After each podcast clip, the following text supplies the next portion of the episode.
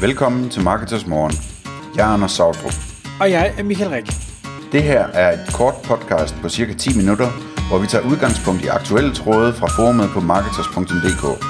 På den måde kan du følge, hvad der rører sig inden for affiliate marketing og dermed online marketing generelt. Godmorgen, Anders. Godmorgen, Michael. Så er klokken blevet 6.00. Det er tid til Marketers Morgen podcast, og emnet for i dag, det handler om de tre bedste fagbøger, vi hver især har læst, og hvorfor vi synes, at de var så gode, som de var. Og vi har tidligere i øh, et podcast talt om at, at læse bøger, og hvor du har jo øh, fortalt, at øh, du brugte ikke de her øh, fysiske bøger så meget mere. Det var mere lydbøger, når det var, eller podcast og, og andre ting. Øh, jeg læser stadig bøger, men vil også gerne indrømme, at øh, jeg læser måske mindre bøger nu, fordi jeg så bruger nogle af de andre medier også. Men Grunden til, at jeg synes, vi skal tage, eller skulle tale om det her emne med, hvad er det for de bedste bøger, vi har læst. Jeg har læst rigtig mange bøger, det ved jeg, det har du også, og, og indimellem så er noget øh, okay, øh, indimellem så er noget, der er ikke så godt, og, og, og så øh, en sjældent gang imellem, så rammer man noget, man bare tænker, at det her, det var virkelig øh, fantastisk for mig, øh, på det stadie, hvor jeg var på det tidspunkt, hvor jeg var i, øh, i mit liv. Og øh, jeg har fundet, øh, og jeg synes faktisk, det var, det var en svær øvelse at sige, hvad er det for tre bøger, jeg vil fremhæve. Grunden til, at vi fremhæver den, skal jeg måske også lige sige, det er, at måden jeg øh, finder nye bøger på, det er ved anbefalinger. Det er enten folk, der skriver, eller fortæller, jeg har lige læst den her bog, den er simpelthen super fed, den skal du læse. Eller jeg i de bøger, jeg læser, der forfatteren refererer til andre bøger, som siger, det, det er super godt, og det har de lært noget af. Men så tænker jeg, hvis jeg læser en god bog fra en god forfatter, og de siger, en anden bog var god, så er det en blåstempling for mig, så går jeg straks på Amazon og lægger den på min, øh, på min wishlist. Det gør så nogle gange, så kan jeg ikke huske, hvorfor en bog er på min wishlist. Øh, hvad tænker jeg, hvad, hvor, hvordan er den havnet der? Men det er så, hvad det er.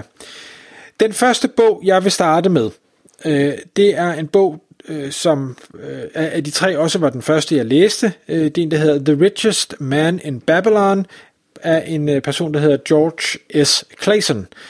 En gammel, gammel, gammel bog. Jeg kan ikke engang huske, øh, hvornår den er skrevet, men jeg tænker, at den er nok 80 år gammel snart, 60-80 år gammel.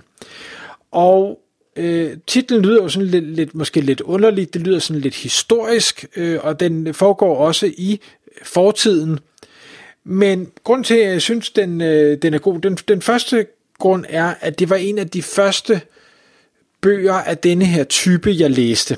Øh, og det øh, kan man måske godt forholde sig til, hvis man læser bøger, at øh, når man er i starten af sin boglæsningsrejse, øh, så, så er der måske nogle, nogle andre ting, der ligesom øh, er en aha-oplevelse, eller har en, en stor virkning. Jeg er ikke sikker på, hvis jeg har læst den i dag, at den ville have den samme effekt på mig, men på det tidspunkt, der havde den en stor effekt, for det var første gang, jeg, jeg så eller læste noget, der var skrevet på den her måde. Det er en bog, der er skrevet i øh, historieform, øh, altså at, at man prøver at kommunikere nogle pointer ved at fortælle en, en fiktiv historie om den her rige mand i, øh, i Babylon.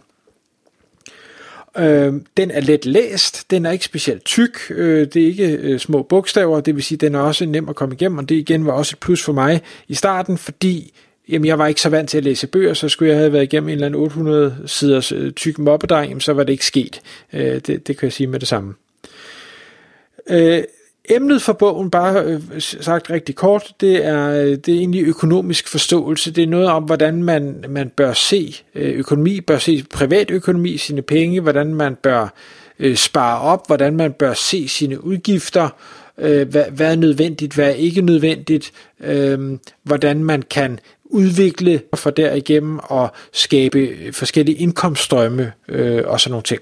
Og det var sådan den, hvad skal jeg sige, den helt korte forklaring af, af den bog.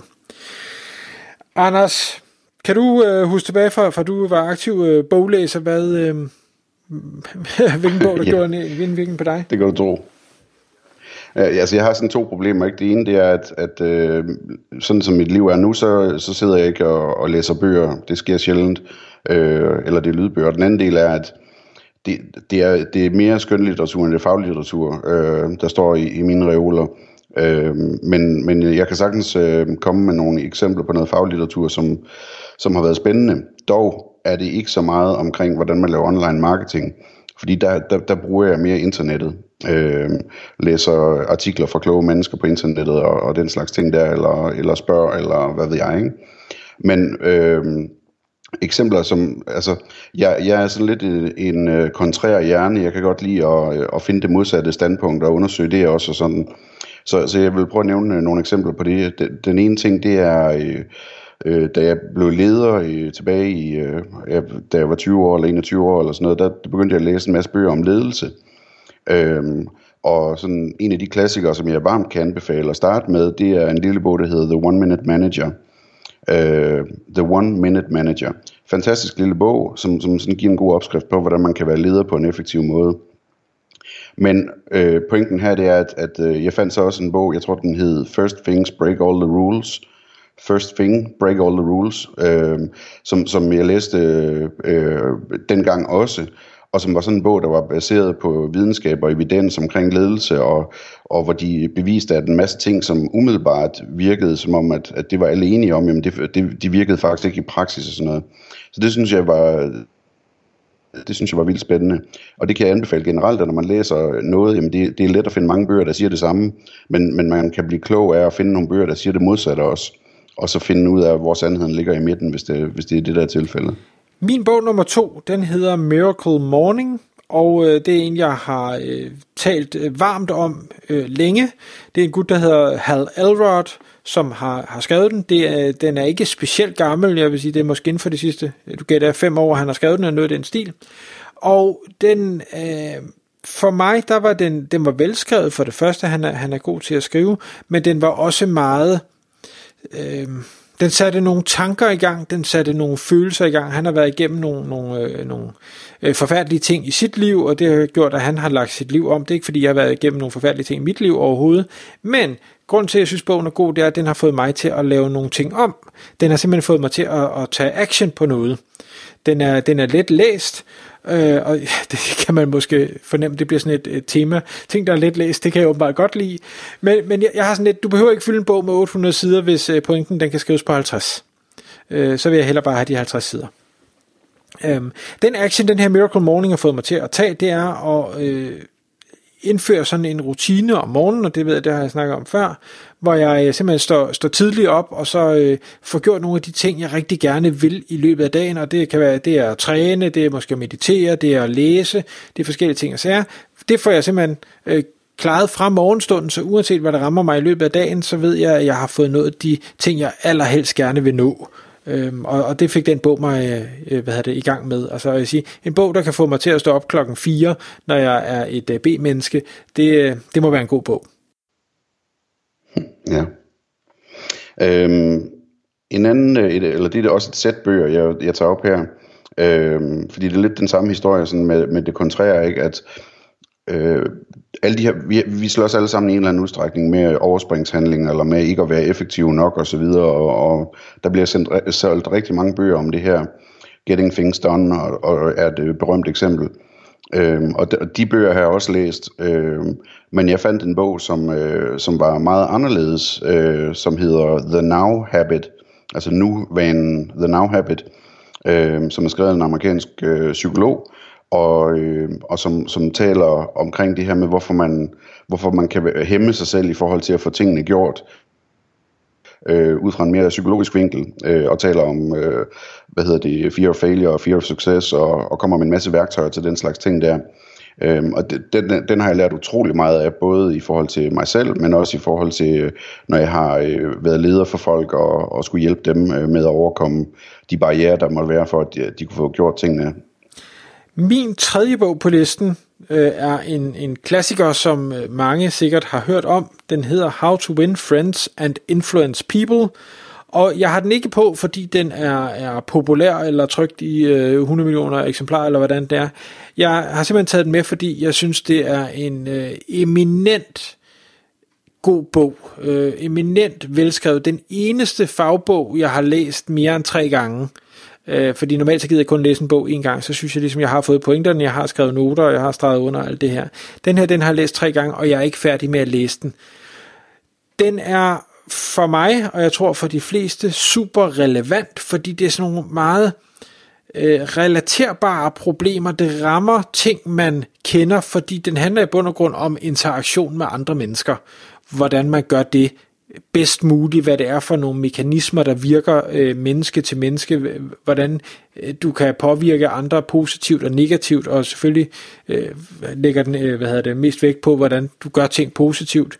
Øh, og, og det er meget, det er meget lavpraktiske tips, øh, den kommer med hele vejen igennem, og der er mange af dem, øh, og det er også derfor, jeg har læst den flere gange, fordi ja, det kan godt være, at, at jeg har fanget dem, men, men jeg glemmer dem igen, så ryger jeg tilbage i den, den gamle rille, og så har jeg lige brug for en, en genopfriskning. Øh, så How to Win Friends and Influence People af øh, forfatteren Dale Carnegie. Ja, det er en god bog.